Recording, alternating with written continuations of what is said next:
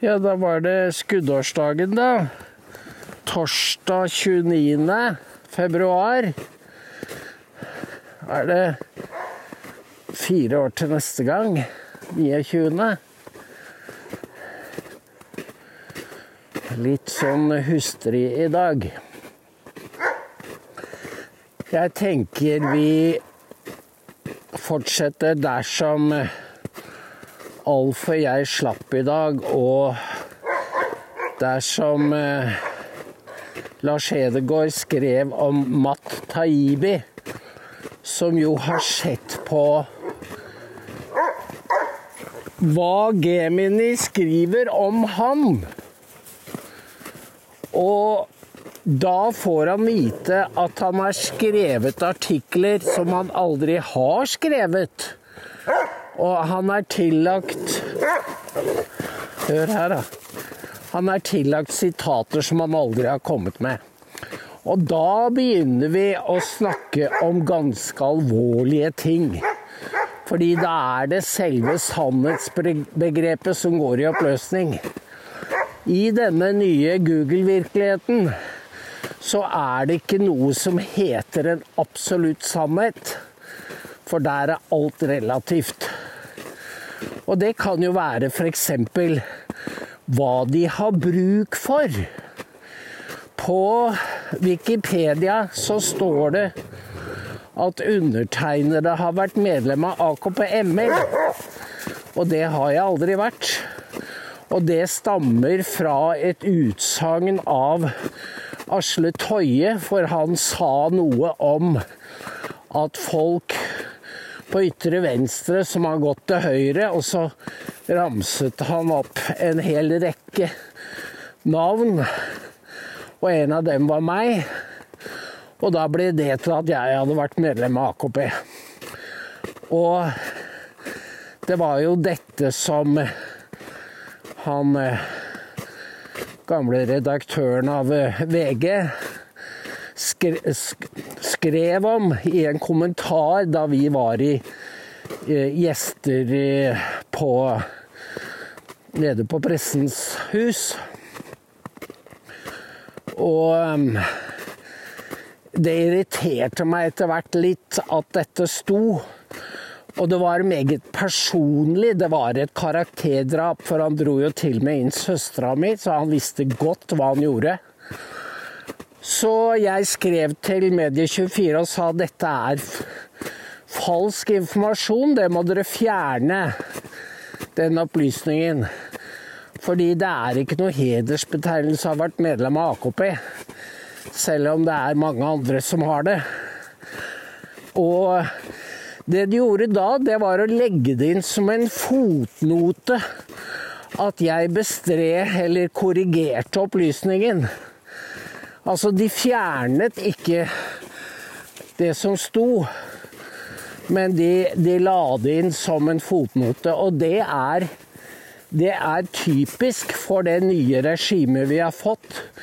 Fordi sannheten er Det kommer an på hvem som sier det, og hva den kan brukes til. Det er ingen absolutt sannhet lenger. Sannheten er det de til enhver tid definerer som sannhet.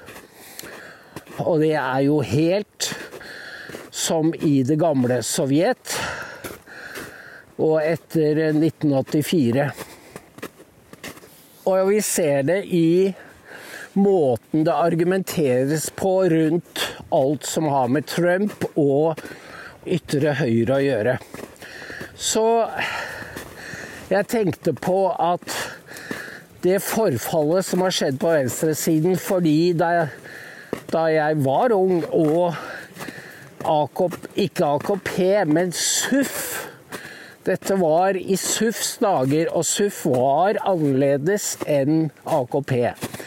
Så husker jeg det var en som sa til noen suffere at dere må lese borgerpressa.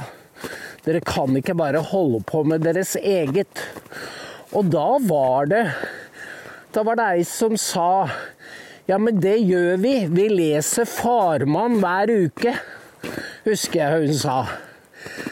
Og det, for da var nemlig Suff i en underdog-posisjon. De måtte vite hva de andre skrev om dem, og hva de andre mente. Men det ble det jo slutt på. I det øyeblikk Klassekampen ble statsfinansiert med 40 millioner i året, så hadde man ikke lenger noe behov for å lese hva andre mente. Da var det bare én mening og én tanke. Og da kan man rendyrke at man har monopol på sannheten. Og jeg må da Jeg gjør jo da det som vi gjorde den gangen. Jeg leser hva disse menneskene skriver og mener i dag. Og det vil si at jeg kjøper bøker som er finansiert av Kulturrådet, selvfølgelig, om ytre høyre. For jeg vil gjerne se hva de skriver. Fordi jeg vet jo at i USA er de, deres posisjon undergravd. Så jeg sa også til noen på jobben at vet du hva, nå bruker vi ikke CNN som kilde. De har 300 000 seere på sitt morgenshow. De betyr ingenting lenger. Og de som betyr noe, er jo de enerne som har gått til Substack. Og det begynner jo etter hvert å bli mange. Julie Kelly, Matt Taibi, Michael Schellenberger. De går til Substack, og så får de person, eller altså abonnement der. Og lever godt. Og senest i dag så abonnerte jeg på sida til Mathias Desmet for han var nemlig også med i Kongressen denne uka og vitnet sammen med Lara Logan og en hel rekke andre. Og det var eh, min, min gode venn, hadde jeg nær sagt, en av de få senatorene jeg virkelig ser opp til, Ron Johnson fra Wisconsin, som hadde arrangert denne høringen. Og da ser du jo at dette kom jo ikke ut i de amerikanske hovedstrømsmediene. Men det er de som mister oppslutning, for folk gidder ikke lese noe de vet de, hvor sannheten er opplest og vedtatt på forhånd. Så i dag så sitter jeg jo og ser, mens jeg skriver Sitter og ser på Jesse Waters og Greg, Greg Kelly på Newsmax. Og det er summen av dette her, og sånn er det amerikanere gjør da, når de skal finne ut hva er det som foregår. De går på X, og så ser de det og det og det og det er skjedd. Og så ser de på showene. Men de går ikke inn og leser på New York Times og disse stedene lenger. Fordi det er old news. Det er sovjetiske nyheter. Som at Taibi har sagt, for han levde i Sovjetunionen på tror det var på 80-tallet. Spilte på basketballaget til Kasakhstan.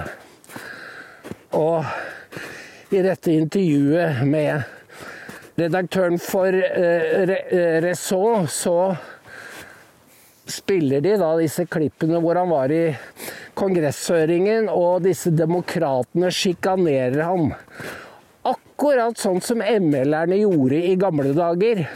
Sånn gjør dagens kongressrepresentanter. De sier jo ja, du er en såkalt journalist.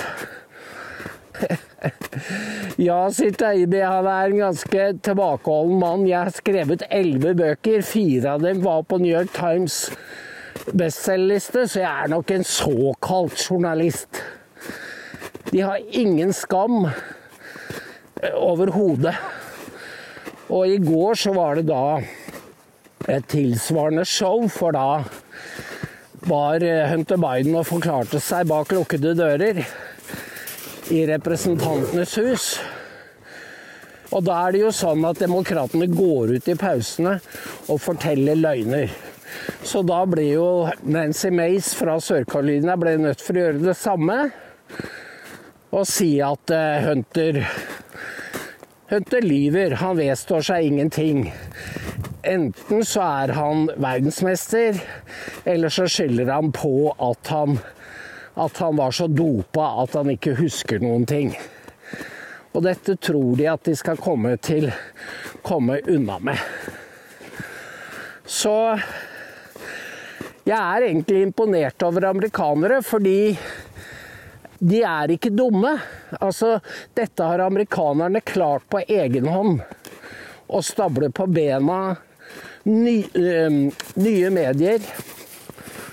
Fordi disse flinke journalistene hadde jo ikke klart det hvis det ikke hadde vært noe et publikum der som var villig til å betale. Og det er det nå, og det er på Substack. Det vokser.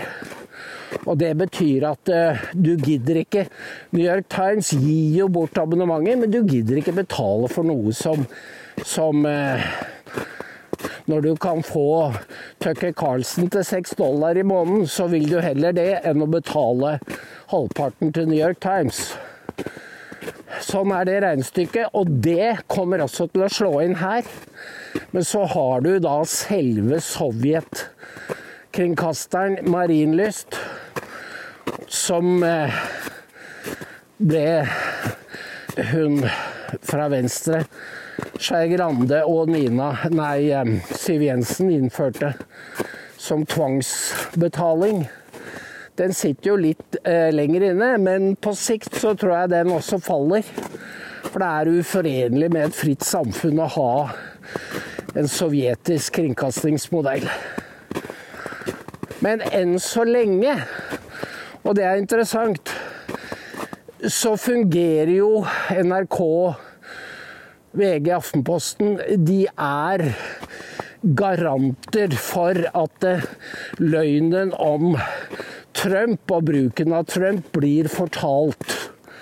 Jeg hadde nær sagt fra en generasjon til den neste. Men det kommer ikke til å Det kommer ikke til å holde. Fordi alt demokratene gjør, er basert på løgn. Maktmisbruk. Og det fører jo ikke frem, fordi amerikanerne har er totally fed up med Biden-regimet. Hvem var det jeg hørte? Jo, det var han Nils Reinert Omvik som sa at ja, nå går jo økonomien mye bedre. Altså, de lever i under Biden. De lever i fantasiland. Og de er i stand til å si hva som helst for å få virkeligheten, regnestykket, til å gå opp om at Biden er god og Trump er bad. Så man må ha en ydmykhet for hvor stort Amerika er, og hvor mange mennesker som er i bevegelse.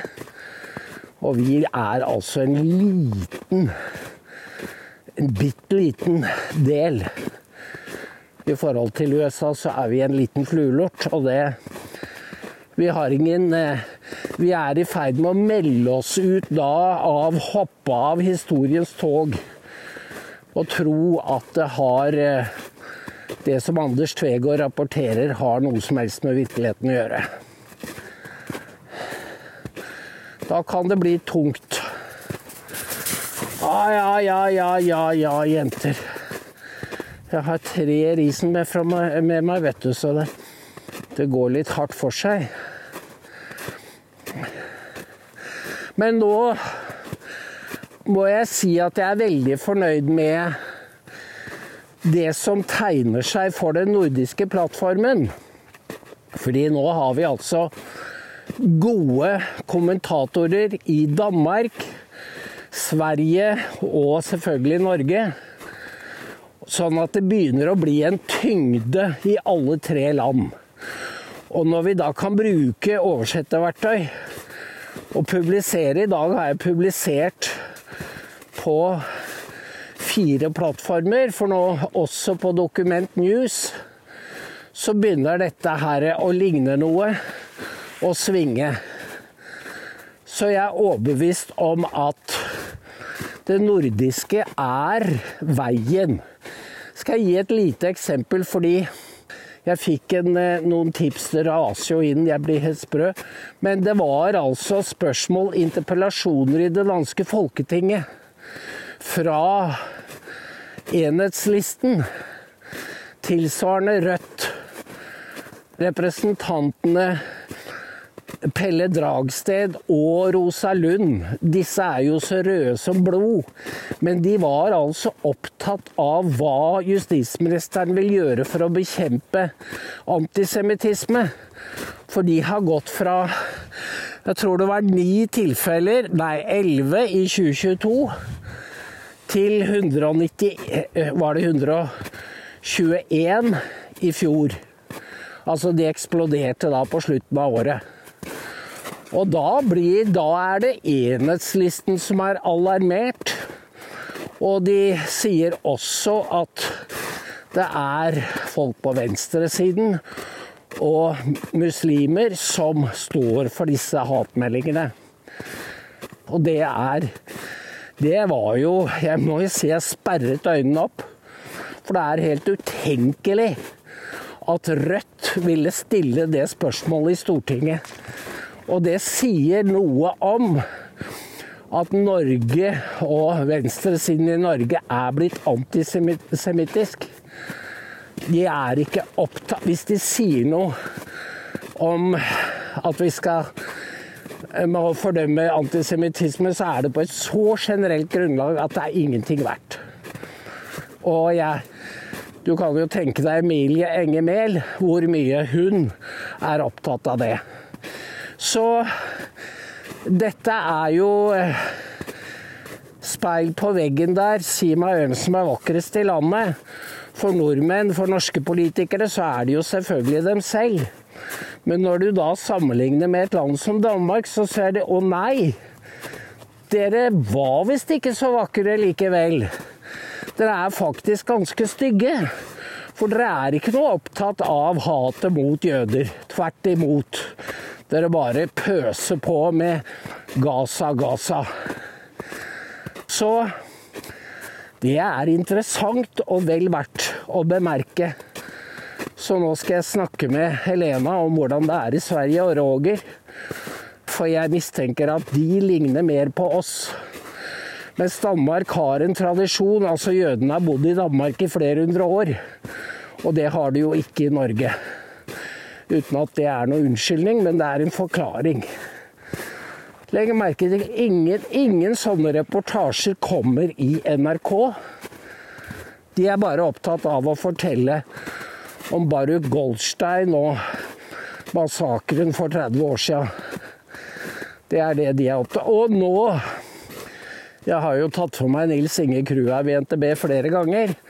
Nå kom det jo en melding hvor det het at at Israel hadde gått til angrep på en folkemengde som sto og venta på mat. Og kjørte over det med stridsvogner. For dette sa al-Yasera. Altså, de har gått inn i, i en sånn eh, blodrus hvor de sender ut hva som helst, bare det er negativt om Israel. Dette er jo oppfordring til hat, rett og slett. Fordi er du en journalist, så skjønner du at Al Jazeera er De er i stand til å sende ut mye rart i den situasjonen vi er i nå, og rett før ramadan. Så det, det sier jo litt om nettopp hvorfor Norge blir et antisemittisk land. Ja, nå er vi oppe på flata her, så nå tenker jeg sier takk for meg. Det er 13629. Så håper jeg det er blitt et opptak. Så ses vi i morgen. Takk for nå.